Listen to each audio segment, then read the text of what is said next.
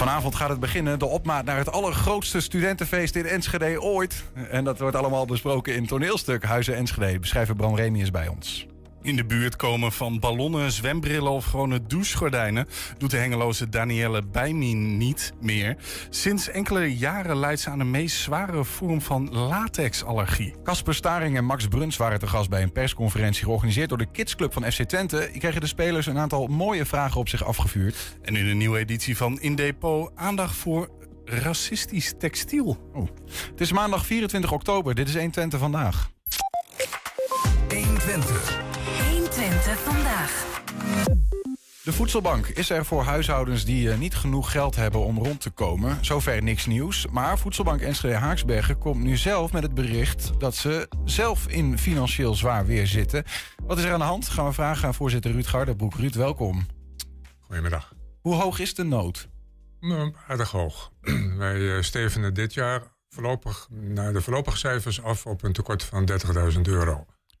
En dat is een flinke slok. En wat betekent dat concreet als een voedselbank 30.000 euro tekort heeft? Eh, voor ons betekent dat nu dat wij moeten afschrijven op de reserves die wij gemaakt hadden om eh te zijner tijd te, te kunnen verhuizen.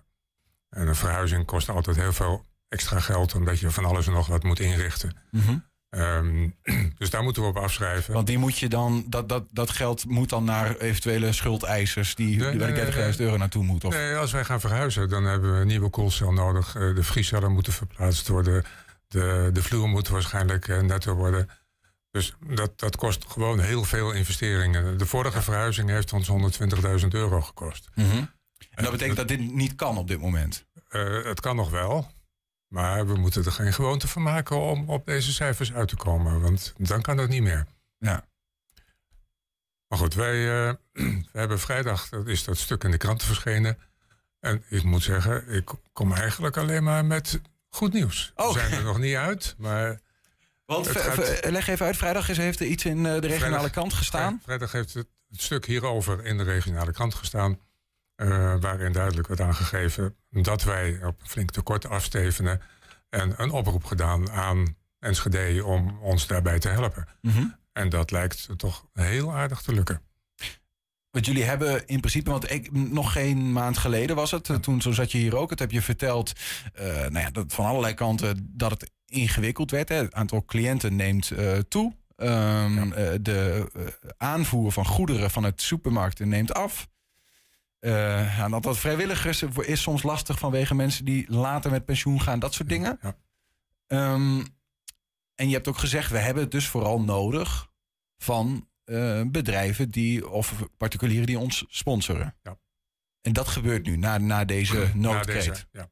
Ehm, we hebben uiteraard de zaak op de rij gezet toen de penningmeester met dit uh, blije bericht kwam.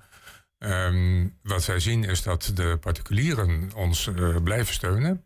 Alleen dat vooral de bedrijven dat het afgelopen jaar veel minder hebben gedaan Mm -hmm. dan de twee coronajaren daarvoor. Mm -hmm. uh, maar ik moet zeggen, het ziet er nu anders uit. Oké, okay. nou uh, vertel, want die 30 euro, uh, 30.000 euro tekort. Ja, kijk, mijn, mijn financiële radar is, is slecht. Dus als jij zegt 30.000 euro tekort, steven we op af en we moeten afschrijven op, op bepaalde kosten, dan weet ik nog steeds niet precies wat dat betekent hoor. En wat... we, gaan, we gaan gewoon door met wat we doen en we kunnen ook gewoon doorgaan met wat we doen. Dat kan doordat er nu weer dingen zijn toegezegd.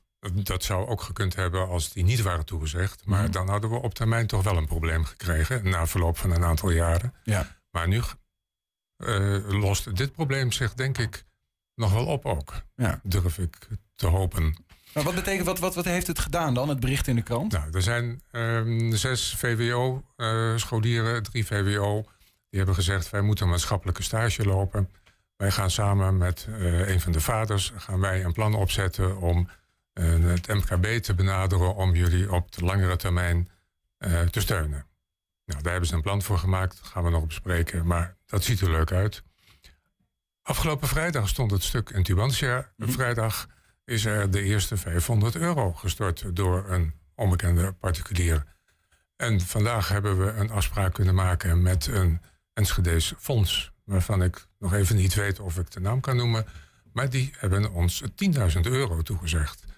Nou, als het in zulke stappen gaat, dan gaat het goed. En ik sprak vanmiddag nog een ondernemer Die zei van, nou, wat hebben jullie nodig? Ik zei, ja, nou, 30 min 10 is 20. Nou, zei hij, ik ga mijn best doen. Ik garandeer niks, maar ik ga mijn best doen. Ja. Nou, dat, dat zijn toch allemaal dingen waar je toch wel heel blij van wordt. Ja, precies. Dus dan, maar ja, goed, dan, dat zijn dan. eh, Nou, ik wil het niet meteen downplayen, maar incidentele eh, giften. Terwijl de, de lijn van nood bij de voedselbank waarschijnlijk een wat structurelere is. Ja, dat is eh, op dit moment zeker de energiekosten. Wij verbruiken gigaveel stroom. 55.000 kilowattuur per jaar. We hebben wel sinds eh, anderhalf jaar zonnepanelen die daar twee derde van wegnemen. Maar dan blijft er nog steeds 20.000 kilowattuur over. Ja. Ehm, we hebben een gaskachel. Nou, we hebben eigenlijk al besloten dat we die maar niet aandoen. Want de gasprijs is natuurlijk giga. Ja. Maar we hebben ook eh, bussen lopen. En ja, die lopen op diesel. Waarvan de prijs er eventjes naar uitzag dat die ging zakken. Maar inmiddels er naar uitziet dat die alleen maar Ja. veel hoger gaat worden. Dus de structurele kosten nemen toe. En dan zit je dus al met sjaaltjes om te werken omdat de gasverwarming uitblijft. Maar z- Zijn er nog manieren waarop jullie eh, creatief kunnen zijn met bezuinigen op kosten? Of houdt het wel een keer op? We zijn aan het kijken of we hebben nu drie bussen om, om te kijken of we de minst zuinige bus eh, kunnen inleveren bij de leasemaatschappij. Maar ja, dat, dat zijn. eh, ik denk dat wij het vooral moeten zoeken in het verwerven van meer en langere termijn sponsoren. Ja. En Toen- ik denk dat dat met wat aandacht ook best gaat, eh, gaat lukken. Ja. We hebben nu vooral een tekort omdat de kosten dit jaar eh, ja, door een aantal tegenvallers erg hoog geweest zijn.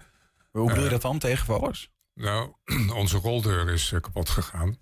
En eh, daar moest dus een hele nieuwe in. Ja, dan heb je het al over 5000 euro. De, de regelunit van een vriescel is kapot gegaan. Dan heb je het al over 2000 euro ex-BTW, ex-montage. Eh, we hadden nog een ehm, nabetaling voor de huur en servicekosten van de afgelopen jaren, wat niet zo goed geadministreerd is. Hm. Eh, de koolinstallatie van eh, een van de bussen is stuk geweest. Dat zijn allemaal dingen waar je meteen over 1000 of 2000 of 3000 euro hebt. Ja. Dat zijn wel dingen die met dit jaar ook te maken hebben. Die je niet per se als een structurele kostenpost verwacht. Dat hoop ik niet. Ja, nee, precies. nou, want eh, ehm, ik begreep dat, dat een, een voedselpakket eh, per stuk ongeveer 5 euro aan maakkosten heeft. En dan zit dan even alles bij in. Zowel, eh, dus, want die, die goederen krijg je vaak aangeleverd. Soms koop je Ja. ze, maar er zit ook huur van het pand en energie en Ja. dat soort dingen. Nou, Ja. Eh, en dan schrijven jullie ook van, we hebben, zitten nu ongeveer op 340 pakketten die we afleveren. Dat worden er voor het einde van het jaar nog 500, verwachten we. Dat denken we wel, ja. Als je dan die rekensom maakt, hè, 160 pakketten, allemaal 5 euro, dan kom je dus op 800 euro per week wat dat extra eh, gaat kosten. Ehm, nou ja, dat wordt in ieder geval ook niet minder. Nee, zeker niet. Ehm, we hebben goed overleg met de gemeente Enschede. Als wij eh, door de stijging van het aantal cliënten in de problemen komen, is daar heel goed te praten over aanpassing van de subsidie. Oké. Ehm, dat moeten we ook nog in Haaksbergen gaan doen, maar mm, dat gaat daar wat minder soepel. Haaksbergen, Omdat er wat minder geld eh, ligt voor dit soort Nou, uh, Haaksbergen heeft gewoon een, ehm, een subsidie toegezegd uit een potje waarvan het maximum 2700 euro is. Punt. Nou, ehm, dat geldt niet voor een subsidie uit de armoedegelden zoals Enschede doet. Ja. Dus daar gaan we in Haaksbergen zeker over praten. De vorige keer dat wij hier zaten was ook naar aanleiding van dat de voedselbanken landelijk hebben gezegd van hey, we gaan de, de drempel om in te stappen eigenlijk, om aanspraak te kunnen doen op de voedselbank gaan we verlagen. Dus meer mensen kunnen aanspraak doen op die voedselbank.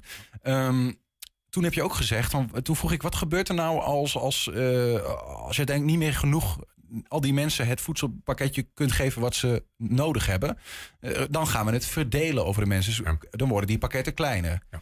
Dan vraag ik me af, is dan bijvoorbeeld zo'n keuze om uiteindelijk die drempel te verlagen, is dat dan wel zo handig? Want dan, dan help je meer mensen, maar de mensen die het het allerhardst nodig hebben, krijgen een kleiner pakket.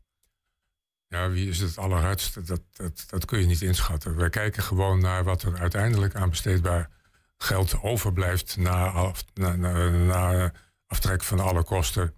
Eh, en ik zou niet graag willen zeggen, eh, jij hebt het harder nodig dan, eh, dan jij. Dat, dat, dat kan gewoon niet. Iedereen die bij ons loopt, heeft het even hard nodig. Want die heeft even weinig geld om te besteden. Ja, dan kun je daar geen keuzes in gaan maken. En je moet al die mensen toch wel helpen. Ja.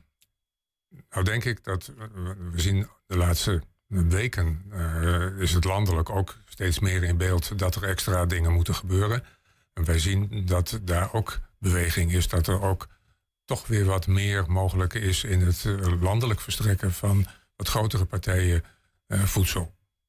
En daarnaast ehm, kan Nederland nu ook putten uit het Europees Sociaal Fonds. Mhm. Waardoor er ieder jaar zo'n 2 miljoen eh, geld beschikbaar komt om eten te kopen. Ja, ja. Iets wat wij eigenlijk liever niet doen. Maar goed, uh, daar is weer wat ingewikkelds. Dus de voedselbank koopt niet, een aparte stichting koopt en doneert het aan de voedselbank. En wij mogen het verdelen. Ja.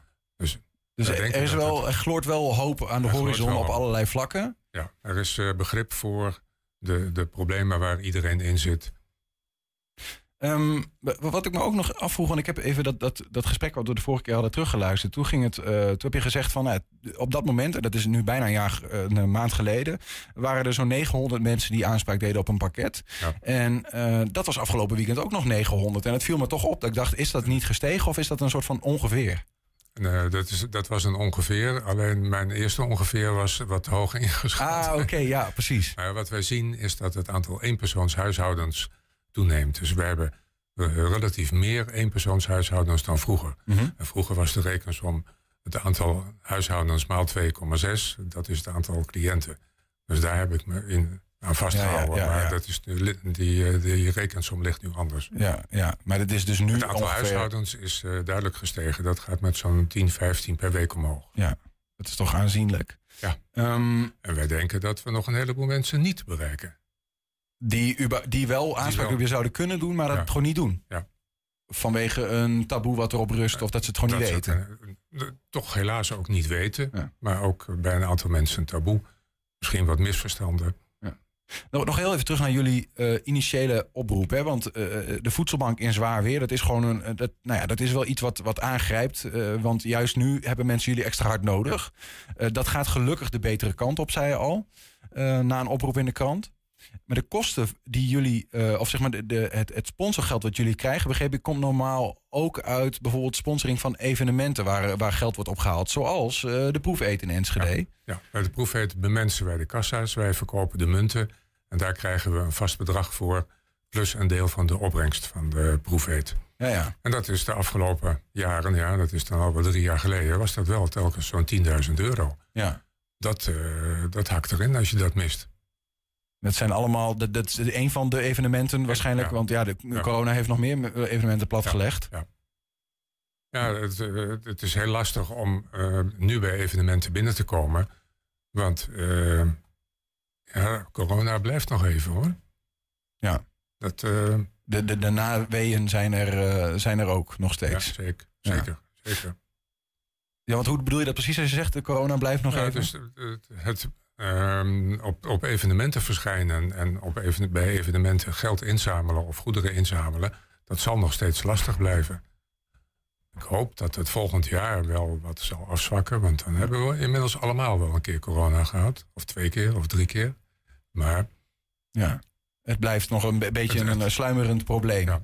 Wat, uh, Ruud, wat, wat is er nodig? Kijk, want uh, die oproep in de krant, uh, die, die hielp al wat. Um, ja. wat. Wat wil je zeggen om nou ja, te zorgen dat jullie mensen, de cliënten, genoeg voedsel houden? Wat wij graag zouden zien, zijn veel mensen die ons een beetje helpen.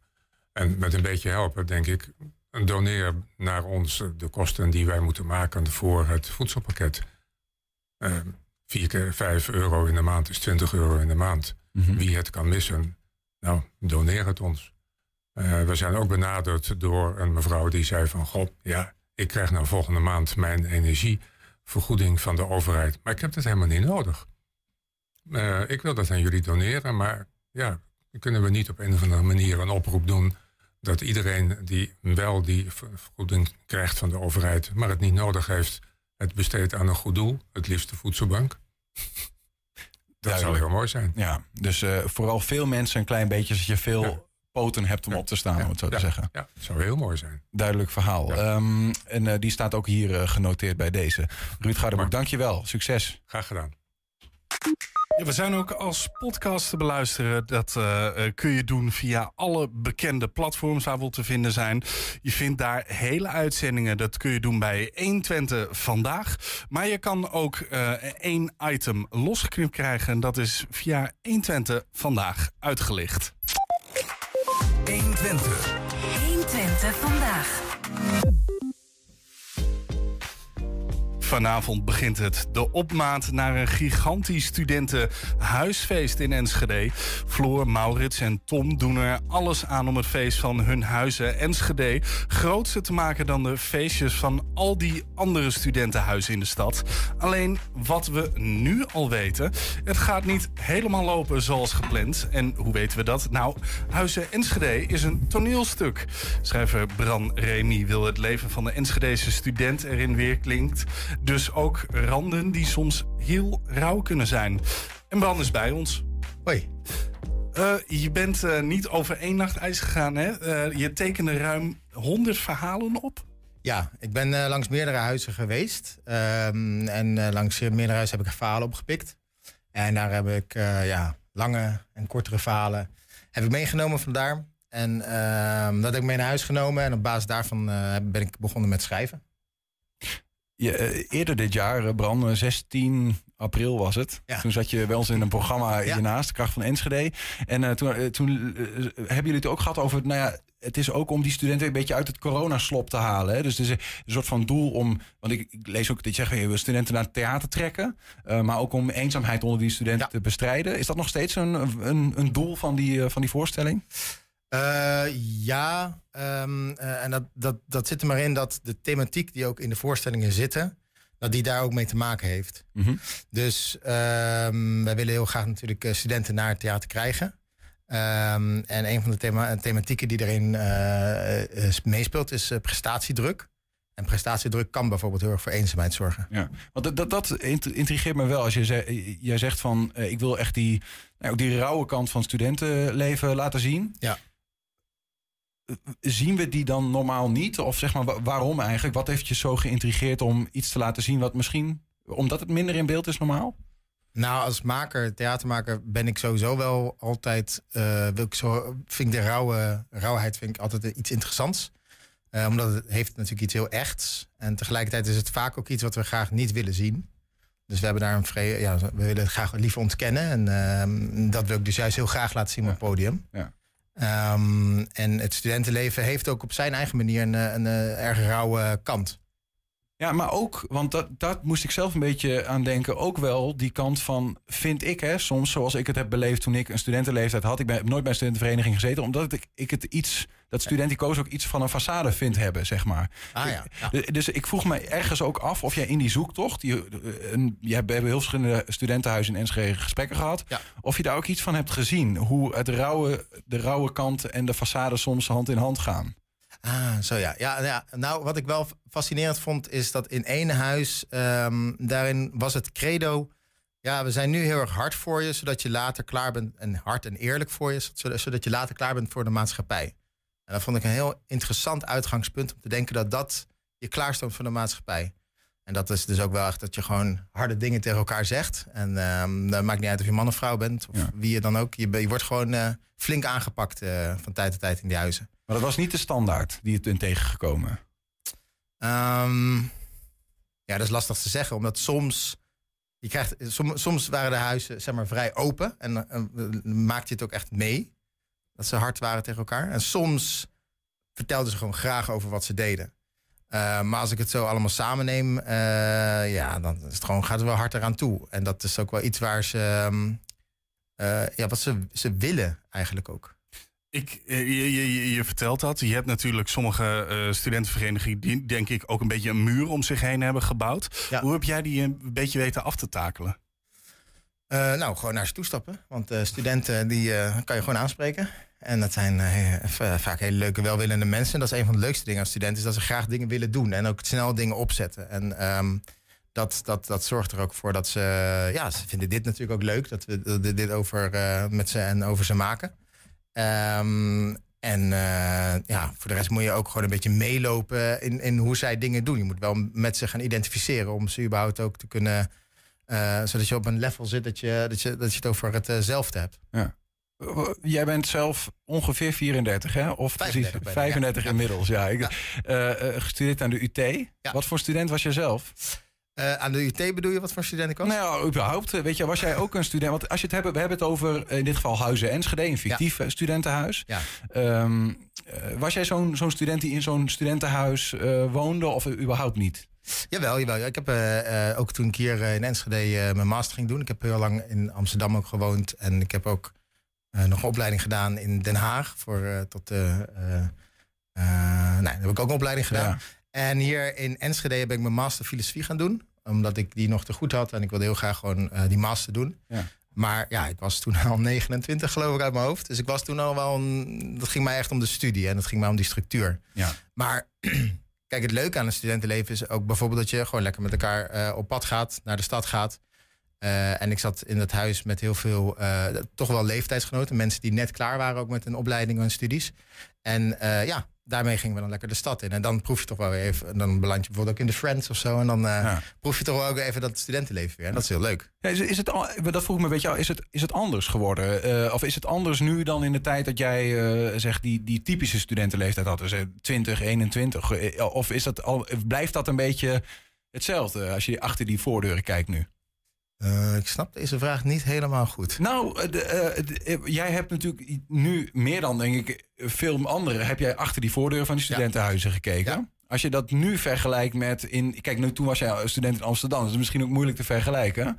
Maar Ja, Het is, wel een andere slag. andere student. slag. Ja, ja. Ja, dan gaat die vraag misschien ook niet zo goed op. Als je, Nee, daarom. Ik heb geen vergelijkingsmateriaal wat dat betreft. Terwijl ehm, ja, in Amsterdam.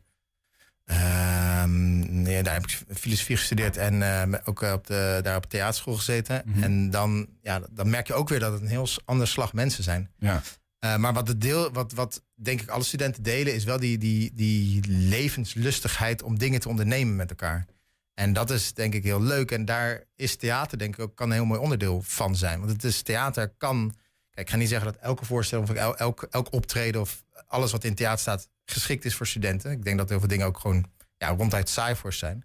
Maar ik denk wel dat het eh, heel veel ehm, dingen zijn die een studentenleven kunnen verrijken. Zoals Huis en Enschede natuurlijk, maar ook gewoon heel veel andere. Om naar theater te gaan Ja. of om er te staan?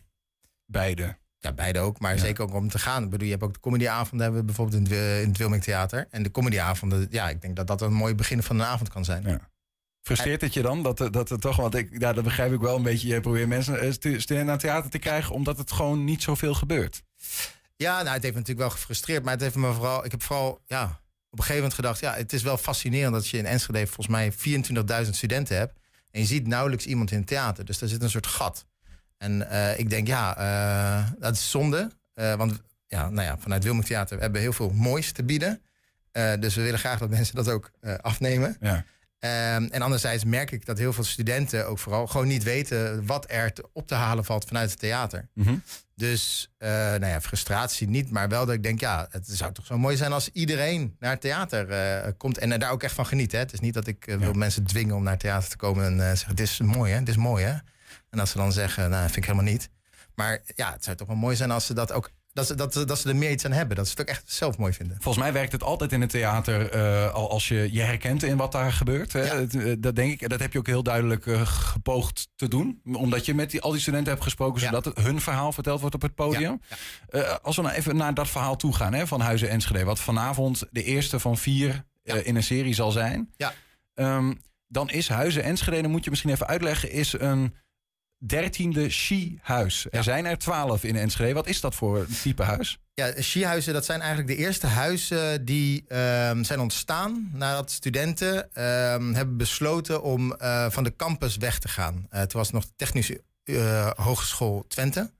Eh, en daar heerste de campusplicht. Dat betekent dus, je moest eigenlijk op de campus blijven als student. En je zorgde ervoor dat je genoeg voorzieningen had om ook op de plek te blijven. Bijvoorbeeld, dat heb je nu nog steeds op de campus van de UT. Dan heb je, ja, je hebt ook een supermarkt, dat is een kapper Sportvelden. sportvelden. Dus, dus ja, in die zin alle reden om daar te blijven. Maar toch, op een gegeven moment is er een, eh, eh, ja, een groep jongens. ehm, zijn hebben besloten, wij, wij, ja, wij willen toch ook meer doen dan alleen maar hier blijven. En dat is uiteindelijk weer een dispuut knudden geworden. Dat, die nu boven de kater zitten. Oké. En nou ja, daar, daar, die zijn op een gegeven moment zijn een dispuut geworden, zodat ze ook ja, bijvoorbeeld konden borrelen met andere disputen buiten Enschede. Ehm, en ja, rond 1970 is dat denk ik. Nou, in ieder geval van hun is rond eh, 1970. En toen zijn er meerdere groepen dachten, ja, we gaan gewoon naar die binnenstad toe van Enschede. En de eerste twaalf huizen die zijn ontstaan, dat zijn de SHE-huizen geworden. SHE staat voor Studentenhuis Estafette, maar volgens mij is daar ook wel heel veel discussie over of dat daadwerkelijk de afkorting Oh ja? is. Ja, onderling ook.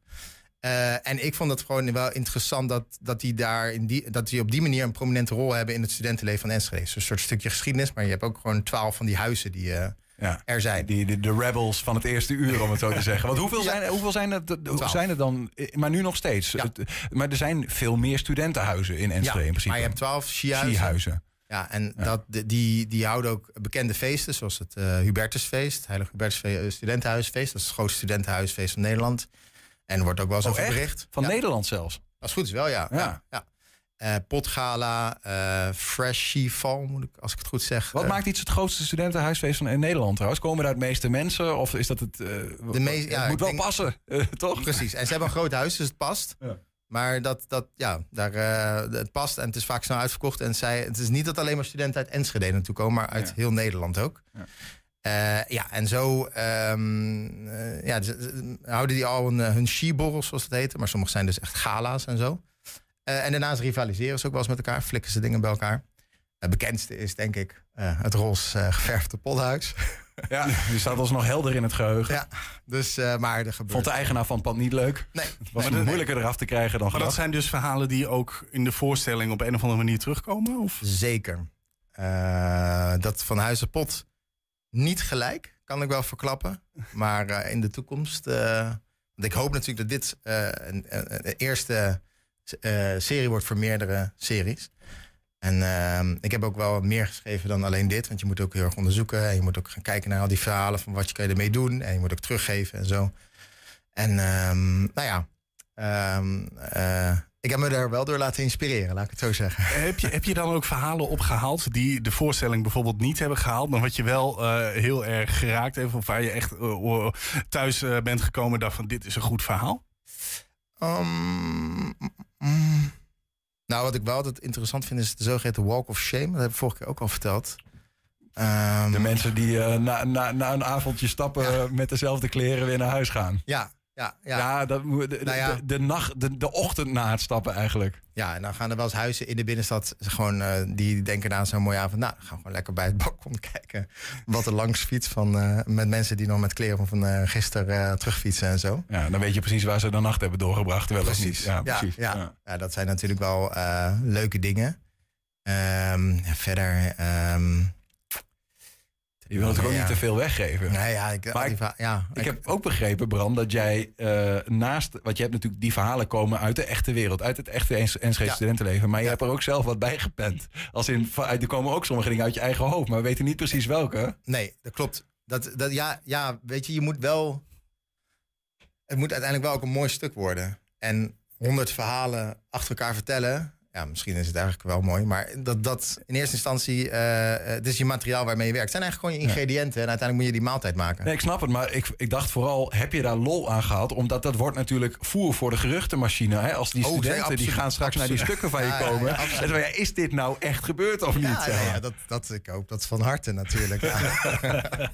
En ik ga ook zeker dat alleen maar, aan, eh, alleen maar aanmoedigen dat dat meer Ja. gebeurt. Ja, nee, zeker. Die, die, die, die, even toch nu die rauwe kant waar je het over had van het, Ja. van het studentenleven. Ehm, eh, heb je ook dingen gehoord waarvan je dacht, shit man, dat is wel, eh, dat, dat hoor je niet elke dag. Dat dat, dat ook het studentenleven is, hè? die eenzaamheid. Heel concrete voorbeelden van, eh, hebben mensen zich daar open voor durven stellen, die studenten? Oeh, ehm, nou, wel een, kijk, je komt het wel tegen, die eenzaamheid. Maar ehm, eh, meer als een soort verhaal naderhand. Eh, nee, ik kan het beter andersom vertellen. Ehm, ik kom natuurlijk bij al die huizen, ben ik geweest. Maar die huizen, die, die, die ontvangen mij met z'n allen. Dus dan, ja, je voelt niet die eenzaamheid. Maar ze kunnen er wel over vertellen dat ze het echt nou ja, zwaar kloten vonden. Dat ze op een kamer alleen maar zaten te wachten dat een studententijd van hen werd ontnomen eigenlijk omdat je, ja, je zit twee, twee eh, jaar, ik weet niet hoe lang we met die lockdowns hebben gezeten, of anderhalf jaar. Ja. Zoiets hebben, ja, zijn ze niet naar de kroeg kunnen gaan en zo. En dat, ehm, Hebben ze geloof ik nu allemaal ingehaald eh, op het moment dat het wel kon. Ik heb het gezien. Ja, ja dat is Ja. dat. dat, dat ehm, ehm, ja, en, en het allerlastigste is wel met eenzaamheid. Ja, de mensen die echt eenzaam zijn en geïsoleerd, die spreek je niet. Dat is een beetje het punt. Ja. Die, die, die wil je wel heel graag bereiken. Maar ja, goed, hoe bereik je die? Ja, nou ja, goed. Maar je hebt natuurlijk ook een vorm van eenzaamheid waarin mensen. En ja, ik kan. De, maar goed, dat is misschien een Dat beetje vragen naar de bekende weg. Deze jongens komen en meiden komen allemaal eh, eh, soms vanuit. Of allemaal. Die komen soms vanuit eh, een andere stad. Ja. En die komen hier dan in een heel gezellig studentenhuis terecht. Ja. Maar ondertussen is het heel moeilijk om misschien je plek te vinden dan in zo'n huis. Nou, dat, dat kan ik mij zeker voorstellen dat dat zo is. Ik denk dat. ehm, eh, je hebt natuurlijk wel huisregels. Maar die huisregels zijn er wel altijd om te zorgen dat je juist sociaal met elkaar omgaat. Dus die huisregels zijn er niet om eh, elkaar te pesten. Dat is- soms wordt het misschien nog wel gedacht, Ja. maar dat, die zijn echt een van de huizen. ehm, daarin is het eh, eh, de huisjongsten, die moeten vaak het vuilnis uitzetten, moeten vaak de buiten zetten, moeten vaak de koffie zetten voor gasten, moeten vaak de deur open doen. Op die manier worden ze ook uit een verlegenheid getrokken. En ik denk, ja, ik dacht toen dat hoorde, nou, dat zijn een soort van opvoedregels die dan eventjes in, in zijn huis hier worden opgelegd. Ja. En volgens mij werkt dat wel heel goed. Alleen, ja, je kan natuurlijk nooit weten in hoeverre iemand zich toch eenzaam voelt, omdat hij zich niet begrepen voelt. Ik kan me bijvoorbeeld voorstellen dat als je in een huis woont dat heel graag de hele tijd heel hard voor elkaar is, zodat je dan klaar bent voor de maatschappij, dat je uiteindelijk denkt, ja, maar ik voel me ook wel heel eenzaam. Ja, precies. Als dit het echte leven is, dan, eh, dan hoef ik het misschien ook niet per se. Als het alleen maar hard op hard is telkens. Ja. Ja. En het thema wat ik heb gepakt is prestatiedruk ook. Want ik denk dat dat een heel erg eh, onder, ehm, eh, onderschat probleem is.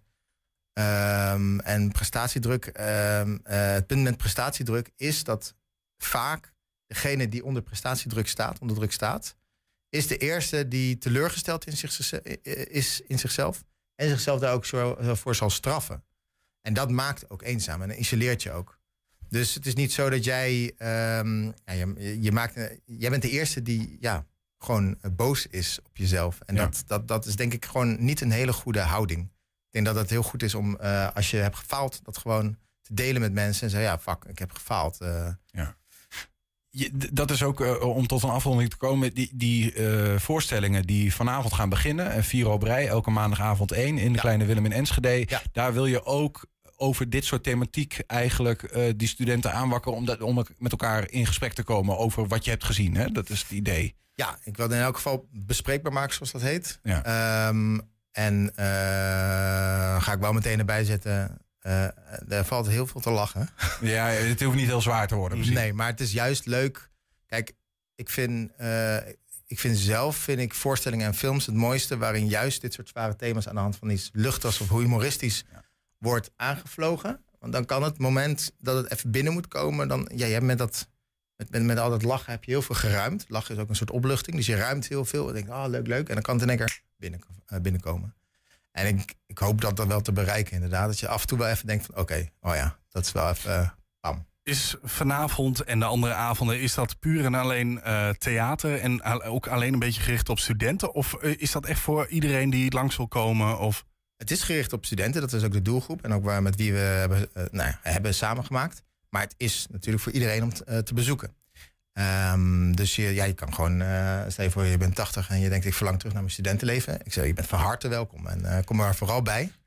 Ehm, dus ook na afloop is er een, een, ja, een borrel of een feestje zou je kunnen zeggen. Want er wordt ook opgetreden in de, in de foyer.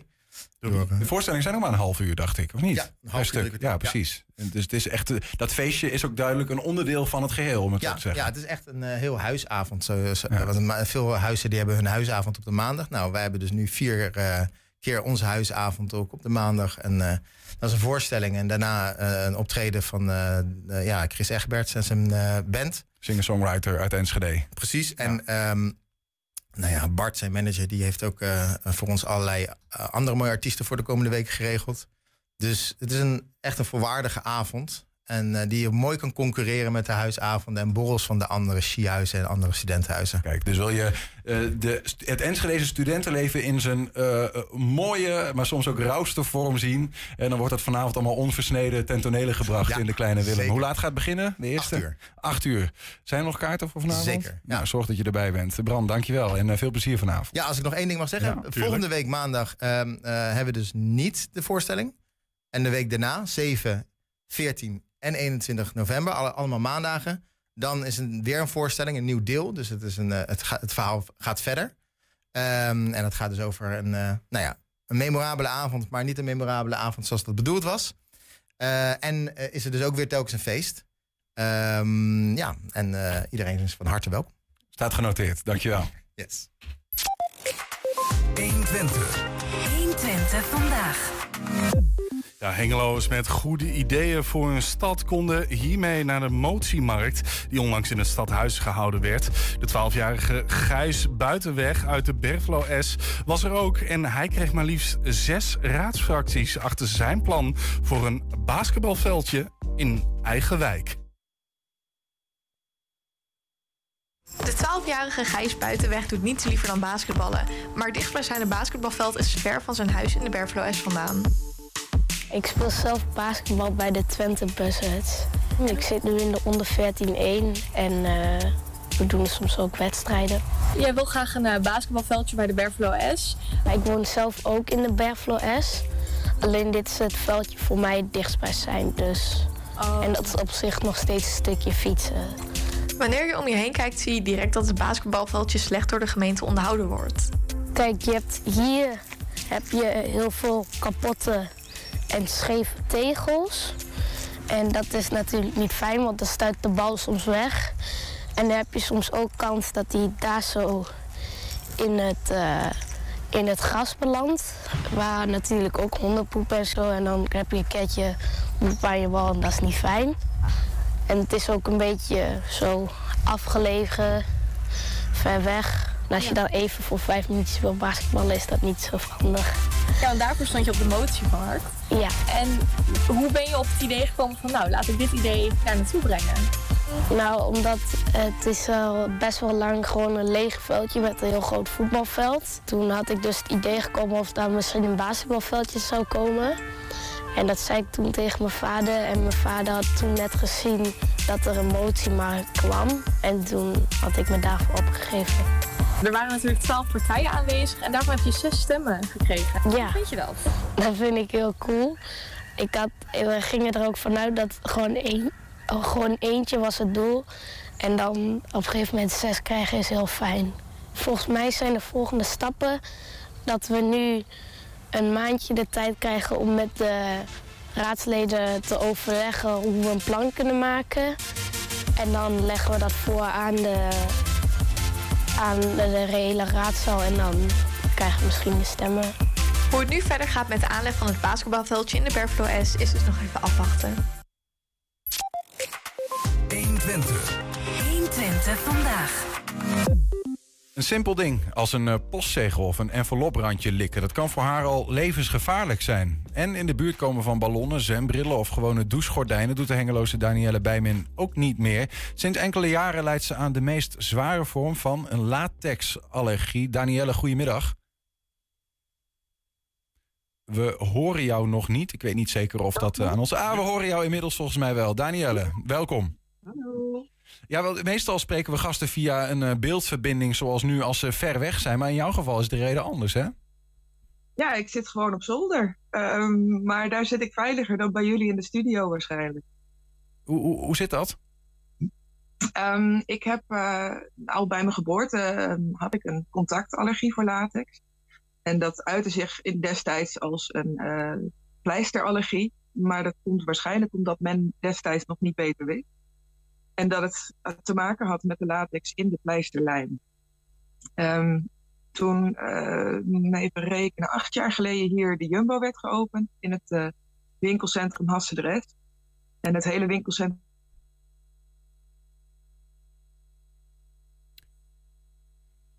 Danielle valt nu even weg. Ik hoop dat dat een stukje lek is in de verbinding. Maar ik ben bang dat dit vrij definitief is voor nu. Oh, ze is weer terug, lijkt het. Danielle, je, je viel heel even weg. Je had het erover dat, ehm, over hoe, hoe je erachter kwam dat je een, eh, een latexallergie had. En toen begon je over het winkelcentrum. Ja, ehm, toen de Jumbo hier opende, ehm, hing het hele winkelcentrum vol met ballonnen. En toen ik het winkelcentrum binnenliep, ja, eh, begon mijn keel dicht te trekken. En dat terwijl ik twee kleine kinderen bij me had en ik kon geen kant op. Dat was mijn eerste ervaring dat het eh, ja, erger was geworden. En, de- en de- hoe lang is dat geleden? Ehm, ik denk zo'n acht jaar. Mijn kinderen waren drie en één. Oké, Eh, maar toen was je al dus wat, echt, echt wel een stukje ouder dan dat kind wat, eh, wat soms last had van de pleisters. Ja. He- Heeft dat Ja, in één keer dan een soort van vlucht genomen? En wat ik, eh, nou ja, voor zover ik uit onderzoek kan vinden, ehm, komt dat vooral doordat ik te veel blootgesteld ben geweest aan latexproducten. Maar goed, dan heb je het niet alleen over pleisters, dan heb je het natuurlijk ook over die kwaadaardige ballonnen. Eh, over elastiek, over kauwgom, over. Ja. Danielle, kwaadaardige ballonnen, zijn dat speciaal soort ballonnen of is voor jou elke ballon kwaadaardig? Nee, ehm, de gewone ballon zoals men die eh, op feestjes opblaast, eh, dat is voor mij de kwaadaardige ballon. Die is gemaakt van natuurrubber. Ja. Ehm, maar een folieballon bijvoorbeeld, of een kunststofballon, die zijn ook herbruikbaar. En dus veel beter voor het milieu, maar ook veel beter voor mij en alle andere mensen met een latexallergie. Ja, ja. Nou hebben wij hier eh, in onze kantine, ik kijk even naar rechts voordat ik iets zeg wat niet klopt. En ik kijk even hier in de studio. Nee, ik kan geen ballonnen eh, vinden hier, zeg maar. Wa- wa- wat maakt dat jij dan vandaag bijvoorbeeld, om even dit als voorbeeld te nemen, toch op afstand liever blijft dan dat je, dan dat je hier naartoe gaat? Ehm, ik weet niet of een van jullie een eh, fysieke agenda nog steeds gebruikt. Niet op de telefoon, maar een normale agenda. We hebben vast collega's die dat doen. We hebben collega's die dat doen, weet ik Ik zeker. hoor net dat we collega's hebben die dat doen. Maar dat Ja, is ook een Er probleem. zit vast ook een elastiek omheen om, eh, om hem eh, op zijn plek te houden op de juiste datum. Of, eh, Maar als, als even, be- betekent het echt als hier een, een elastiekje bijvoorbeeld bij ons op de bar ligt en je loopt er langs, dat je daar al last van kan krijgen? Dat kan, ja. Zeker wanneer het recentelijk gebruikt is. Want op het moment dat een elastiekje uitrekt, komen er latexdeeltjes vrij in de lucht. En als ik die deeltjes inadem, kan ik dus zelfs in een anafylactische shock raken. Ja, In een, in een sorry, in een wat voor, eh, eh, wat is dat? Wat is dat? Ehm, dat eh, is een hele heftige allergische reactie waarbij ik eh, ehm, onder andere geen adem meer kan krijgen omdat mijn keel dicht trekt en mijn tong opzwelt. Het uitzicht bij heel veel mensen ook ehm, in, in darmklachten, maagklachten, met braken, diarree, maar ook eczeemachtige uitslag, enorme jeuk, opzwellende ogen. Ja, denk aan de, de standaard ehm, voorbeelden in films van iemand die een, eh een pinda-allergie heeft. Zo'nzelfde reactie heb ik, maar dan op later. Wat, wat, doe je daar, wat doe je er dan aan om... eh, ja, stel dat je hier toch naartoe zou moeten op een of andere manier. Wat, ga je dan, stuur je iemand vooruit die dan de boel eh, verkent? Of, ja, het lijkt me heel ingewikkeld. Ja, nou, die luxe heb ik inderdaad helaas niet altijd. Ehm, ik eh, draag meestal op het moment dat ik het huis uitga een eh, allergiemasker. Wat zoveel mogelijk latexdeeltjes uit de lucht moet filteren voor mij. Ehm, Hoe ziet dat eruit? Heb je dat, heb je dat ergens bij je? Ik, ben wel, ja, ik weet niet of dat ergens daar... Nee. Hoe ziet zo'n Ik heb hem zo niet bij de hand. Maar hoe als het goed is, hebben jullie wel een fotootje. Oké, nee, ik weet niet zeker of we, of we die nu kunnen laten zien. Maar kun je maar beschrijven hoe zo'n hoe zo'n masker eruit ziet? Ehm, het is een ehm, ja, mondmasker zoals eigenlijk de meeste mensen dat tijdens corona droegen, maar dan uh, tig keer zo dik. Daar zitten twee ventielen op uh, die ervoor zorgen dat ik makkelijker kan uitademen. Dus hij beschermt de mensen om mij heen niet, mm -hmm. maar zorgt er wel voor dat alle lucht die ik inadem uh, gefilterd wordt door het masker. Ja, ja. En dat uh, betekent dat dus dat je. Met... moet ik naar ieder gebruik uitkoken. Uitkoken. Ze, zei je dat? Ja. Ja. Jongen, jongen. Dus, ja. dus als, als, jij. Want, want be, nou, betekent dat dat je een stuk minder gewoon buiten de deur komt? Want het is ook allemaal gedoe. Of, of heb je dan altijd zo'n zo'n masker bij je? Hoe beperkt het je in je leven? Heel erg. Ik kan mijn kinderen niet meer naar sport brengen of ze ophalen. Ik kan um, niet meer naar feestjes. sowieso kom ik amper meer bij andere mensen over de vloer. Uh, dus als ik mensen op visite wil, dan komen ze bij mij langs, zodat ik zo veilig mogelijk ben. Um, mijn man neemt dus heel veel van mij over. Ook als het gaat om de kinderen wegbrengen en ophalen. Um, meestal breng ik mijn dochter wel gewoon naar school en haal er weer op op de fiets. Um, maar goed, ook dat geeft het risico dat als er ergens een kind geboren is, of als er iemand 50 is geworden en dat uh, overal groots versierd aan de buitenkant van het huis met ballonnen, is dat ik ja, toch weer een, uh, een hele heftige antihistamine moet nemen uh, om de reactie de kop in te drukken. wat wel betekent dat ik al gauw zo'n 4 à 5 uur knock-out ben na die tijd. Ik, ik vind het echt ongelooflijk. Ik wist niet dat dat. Hoeveel mensen hebben dit? Ik, dat, ja. um, deze versie gelukkig erg weinig. Um, maar hoe meer mensen latex artikelen blijven gebruiken. Dus dan hebben we het over handschoenen bij het bereiden van voedsel. Uh, of bij schoonmaken. Of um, in, in de medische wereld net zo. Daar is het ook de meest voorkomende allergie. Um, juist omdat uh, veel medici toch graag die latex handschoenen gebruikten. En, en dat, versterkt het, uh, dat versterkt eigenlijk de allergie dat je, die je hebt. Door juist ja. er veel meer in aanraking te komen. Ja. ja.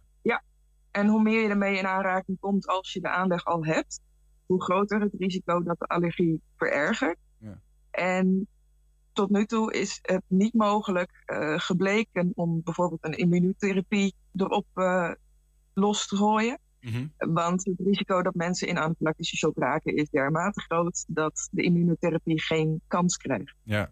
Maar heb je een idee van cijfers? Van hoe, hoe, hoe zeldzaam ben jij in Nederland? Jouw, jouw type, jouw een ernstigheid? Een hele grove schatting is uh, dat ongeveer 1 op de 25 mensen een latexallergie heeft, een contactallergie. Mm -hmm. uh, maar dat uit zich vaak um, uh, als, als eczeemachtige klachten. Dus men gaat ervan uit dat er een eczeemzalfje op moet in plaats van dat het werkelijk om een allergie gaat. Um, en veel mensen, zeker in de medische wereld, die die klachten hebben, daar wordt het vaak op astma gegooid. Omdat die benauwdheid dan het eerste teken is. Ja. Is, er, is er dan ook nog hoop dat dit ooit bij jou weggaat? De hoop blijf ik houden, absoluut. um, vooruitzichten erop momenteel nog niet. Nee.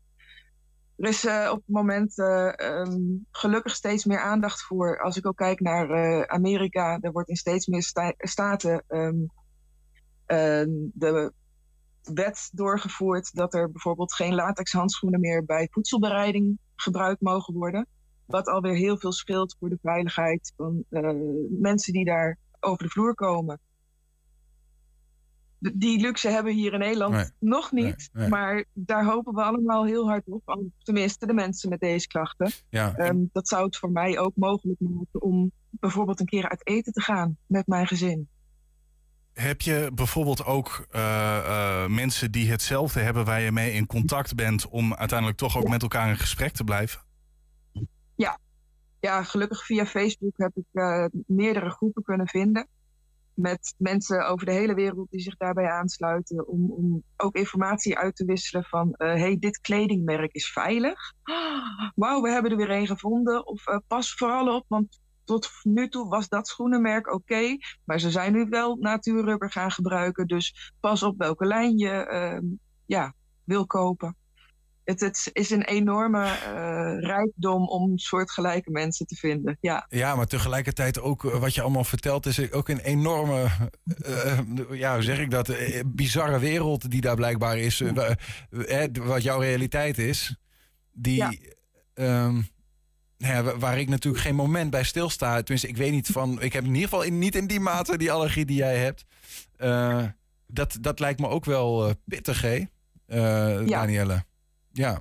Ja, dat is in, zeker. En daarom hoop ik ook dat via deze weg mensen zich er wat meer bewust van worden. En er wel twee keer bij na gaan denken voordat ze hun huis versieren met ballonnen. Maar ook in de medische wereld, alsjeblieft geen latex handschoenen meer gebruiken. En, en ga voor de alternatieven. Want die zijn er. Je zei net dat jij uh, je kinderen ook nog probeert uh, naar school te brengen en dat ook doet. hoe reageren die erop? Ehm, nou, dat kun je je ook rechtstreeks vragen. Want mijn dochter komt hier net binnenlopen. Niet net, ik was er. Oh, je was er. niet. Hallo, dochter. Hallo. Dat mama de latexallergie Eh, Dat betekent niet goed, hè? Dat is, dat is niet fijn. Nee. Nee. Nee, precies. Nee. Ze zijn vooral rustig. Mijn zoon heeft een eh, contactallergie. En ehm, voor hem is het gewoon heel erg belangrijk dat hij niet in contact komt met latex, zodat hij het niet zo ver ontwikkelt als ik. Ja, ja. Ehm, maar dat is ook, zeker in de schoolwereld, is dat gewoon heel lastig. Ik bedoel, we hebben het ook over gummetjes. We hebben het over eh, basketballen. Net ook dat filmpje van dat jongetje natuurlijk. Ja. Ehm, al die dingen die rubber bevatten, ja, zijn voor ons gewoon levensgevaarlijk. Eh, is het, ja, ik wil liever niet met deze vraag afsluiten, dus we moeten nog één bedenken. Maar weet je, want eh, Julian vroeg net van, is er, is er een kans dat het, dat het, dat het eh, zich oplost? Nou ja, dat, dat zou dan door een medische ingreep of een wonder moeten gebeuren, eh, als die er kan komen. Eh, maar is er ook, want het, het is natuurlijk een soort van progressief geweest de afgelopen eh, eh, decennia. De- heb je daar ook een bepaald gevoel? Is er een kans dat jij op een gegeven moment zo ver eh, bent dat je, zo, dat je nog veel meer beknot gaat worden in je vrijheid? Ehm, nou ja, ik, als ik naga hoe vaak ik. Ik wil je eventjes aan de andere kant gaan staan. Oké. Als ik naga hoeveel ik in de afgelopen ehm, maanden meer last heb gehad van mijn allergie dan voorheen. Eh, en dat ook zeker te maken heeft met het feit dat de, de lockdown afgelopen is. Mm. Die lockdown was voor mij wel heel prettig, geen Ja, feestjes en zo. Ehm, ik ben bang dat het alleen maar erger Ja. En hierbij dus ook echt mijn oproep. Ja. Oh, en mijn man die kwam nog even mijn eh, masker brengen. Dan kun je hem nog even zien. Kijk, dat is Voor de, het- voor de mensen die nu in de auto zitten, eh, dit is dus eh, ja, het masker. Je kan het even terugvinden op 120.nl. Dan kun je het eh, nog even terugzoeken. Zeker, ehm, maar die, dat, is, eh, dat heb je heel duidelijk gemaakt, eh, Danielle. Waarom dat eh, de wereld er voor jou heel anders uitziet bij een feestje eh, dan bij ons. En dat het dan helemaal geen feestje is. Ehm, en eh, eh, dank daarvoor, da- voor die bewustmaking bij deze. En ik wens je ontzettend veel eh, sterkte. Eh, met met dat wat op je afkomt. Eh, maar ook eh, plezier waar het, eh, waar het kan, waar geen latex is in de omgeving. Ja. Dankjewel. We Danielle, houden de moed in. Danielle Bijmin was dat. Dank voor je openheid. Joe. Heb je een tip voor de redactie? Mail dat dan naar info.120.nl 120. 120 vandaag. Ja, we gaan met In Depot terug naar het jaar 1883 en naar Amsterdam, waar de wereldtentoonstelling plaatsvond. En wat daar in die tijd innovatief en slim en vooruitstrevend was, is nu volstrekt ondenkbaar. In depot over Heineken en een racistische halsdoek. Je hebt eh, ons meegenomen naar. Ja, wat is het? Een, een soort overmaatse zakdoek? Ja, een halsdoek. Een halsdoek. Ja, ja, dus kennelijk kon je het omvouwen om je hals doen of zo, zoiets. Oké. Ja. Eh, is- eh, met eh, afbeeldingen van eh, negers. Ik weet niet of je dat politiek correct zo nog mag zeggen tegenwoordig, maar ik, ik, ik raak de politieke correctheid, de Ja. draad een beetje kwijt. Ja, ja, ja. Maar en, Ja, nou, ik, eh, misschien, eh, eh, ik heb wat gelezen over de, de man die dit, eh, eh, waar het hier over gaat, Adriaan Schakel. ja, En eh, dat was een historicus uit 1911 en die deed de geschiedenis van de reclame, eh, behandelde die. En hij zei, Adriaan Schakel, die heeft als een van de eerste, heeft hij allerlei karikaturen en, en eh, soort stripachtige figuren ingezet. Hè, dat is wat hij in 1911 schreef. En hij kon ontzettend grappig, kon die negers neerzetten als een soort domme lui. Die, en die zaten in kisten te kijken van, wat heb ik hier nou en wat heb ik daar nou. eh, eh. Dat schreef hij in 1911 over Adriaan Schakel. en, en wie was Adriaan Schakel dan even? Adriaan Schakel was een, eh, eh, de eigenaar van een winkel in confectie, kleding dus. Oké. Ja. Hier in Twente of heel ergens Nee, anders? in Amsterdam. Oké. Ja. Dus we hebben Adriaan Schakel, waarvan in 1911 een wetenschapper zei... die man die kan heel grappig, eigenlijk voor het eerst... Ja. plaatjes, een beetje stripachtige dingen gebruiken in reclame. Ja, als reclame. Ja, voor- net als hoofdmoot. Ja, precies. Zowel als verpakkingsmateriaal als om uit te delen. Ja, dat, en dat was uniek in die tijd. Ja. En, maar dit dateert, hè? ik zie hier Exhibition 1883 Amsterdam. Ja. Dit is van de wereldtentoonstelling eh, in Amsterdam, 1883, die als speciaal thema de koloniën had. Dus het, was, het werd ook wel de koloniale wereldtentoonstelling genoemd. Oké, dus de wereldtentoonstelling, alle, alle wereldgrootmachten waren daar. Ja, en die hadden daar paviljoens. Precies. En dan lieten ze zien van wat ze allemaal uit de koloniën konden weghalen... en wat voor eh, zegen ze ook brachten naar die koloniën. Dit is een soort India. Het gaat dus India. Het gaat over India. Niet over Indonesië, Nee, nee, dat is wel, Suriname, de Nederlandse kolonie. Dat is wel wonderlijk, want wat je hier op dit plaatje ziet, Ja. eh, dat is het paviljoen eh, van nou, wat Nederland toen gebouwd heeft. Of de, het, de, de- het, het gebouw waarbinnen die wereldtentoonstelling plaatsvond. Ja. En dat heeft helemaal iets in het India's. En het wonderlijke is dan als je leest de Nederlandse bijdrage, dat bestond uit een dorp met eh, inwoners uit Suriname, Ja. met een dorp met inwoners uit Java, die ze daar, nou, werden tafereelen nagespeeld. Ook zoiets. hè? We hebben een keer eerder zo'n item gehad, hè? Dat, dat hele ja, die, die dorpen hier. van, eh, dat was hier in, in de jaren 30, 1930 of zo hier in Enschede. Ja, om Enschede eens te laten zien hoe eh, de inboorlingen leefden. Ja, ja, ja. ja, dit is dus, dus een, een, een- een tijd daarvoor. Ja. Nou, je moet dat ongeveer schatten. Hè, dus voor, voor die, Nederland had koloniën, Nederlands-Indië natuurlijk al. En in, eh, eh, in deze periode ja, kwam toch al wel een beetje zo'n schaamtegevoel van... ja, we zijn toch wel de boel weer aan het legeroven en aan, de, aan het platbranden en aan het eh, onderdrukken. We moeten ook wat brengen. We moeten ook eh, beschaving gaan brengen. Hè, met eh, ja, beschaving en scholing. Hè, dat besef kwam toen en dat zie je hier een beetje in dit doek terug. Right. Oké, heel even naar dat, eh, naar dat paviljoen, Ja. eh, Edwin. Want het is een Indiaas paviljoen. Ja. Een- een- Gek dat Nederland dat doet, want India was Ja, je zou verwachten eh, als je een Nederlandse wereldtentoonstelling Ja. organiseert, dan maak je eh, een, een paviljoen Nederlands-Indië of zo. Maar goed, dat hebben ze gedaan. Waarom? Om een of andere wonderlijke reden. Ja.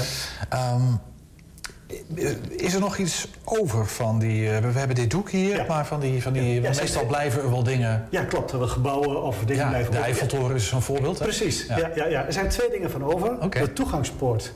Dat is nu de toegangspoort van het Vondelpark. Echt? Ja. Oké. Ja, ja. En nog iets heel belangrijks. Als je naar het etiket van Heineken kijkt, Ja. dan zie je dat Légion d'honneur 1883. Ja. Dus die, hè, je kon als, als fabrikant kon je producten in, Ja, eh, indienen. het ging over handel. Het, was, het ging over handel. Het was een soort, soort prijs. Er werden prijzen uitgedeeld. Je kreeg medailles.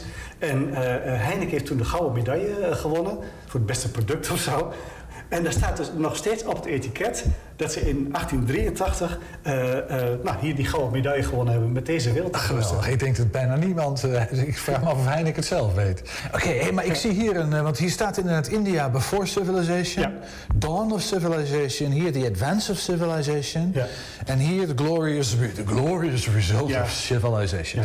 Dus het is inderdaad die, die nou ja, weergegeven ontwikkeling van Je, de beschaving. Je, je ziet echt inderdaad met voor India, voor de civilisatie, je ziet eh, mensen eten elkaar op. Ja. Hè?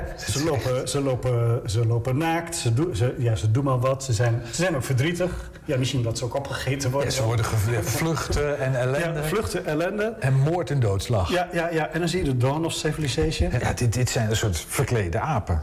Ja, dat, nou, dat is wel Nou ja, dat is heel oneerbiedig gezegd. Nou ja, maar dat is wel hoe het hier afgebeeld is. Ja, echt hè? Ja, ja het is... Ja, het is, eh, loppen kan er bijna niet. Nee, ongelooflijk. En dan hebben we hier, ja. dit zijn de, dit is de glorious result, de glorieuze resultaten van, Ja, van ja. de beschaving. Nou, en dan zie je dus Ja, al die, hoge hoeden. Die, die, die, die mensen, die gekleurde mensen met inpak, met hoge hoed, met laarzen aan. Vrouwen met een parasolletje. Ja, ja, Lucifers hebben ze, ze hoeven, Ja. eh, genieten op een andere manier. eh. ja, ja. Wordt nog in de zak gerold eh, door eh, een jongetje. Ja, dit is ook nog steeds een soort Napoleon met een, eh, met een bril op, maar het loopt Ja. erbij alsof het een Neandertaler is. Ja, ja, klopt. Ze hebben dan wel een broek aan, maar Ja. dan wel geen overhemd en Ja, zo. Het blijven, zo van, het blijven toch een soort...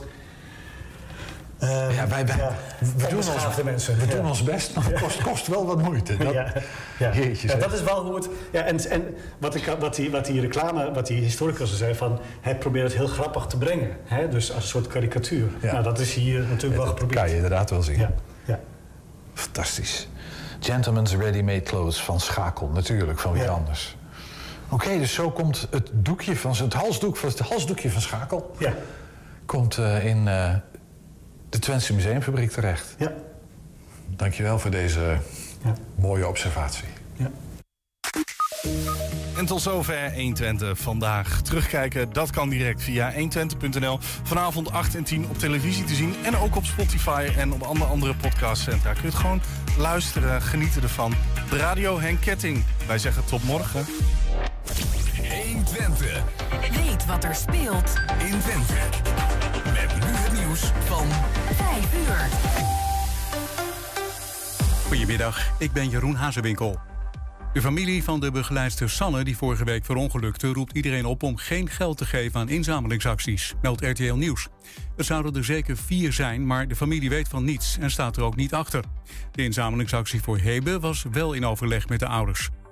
Vakbond CNV verwacht een paar onrustige maanden bij Philips.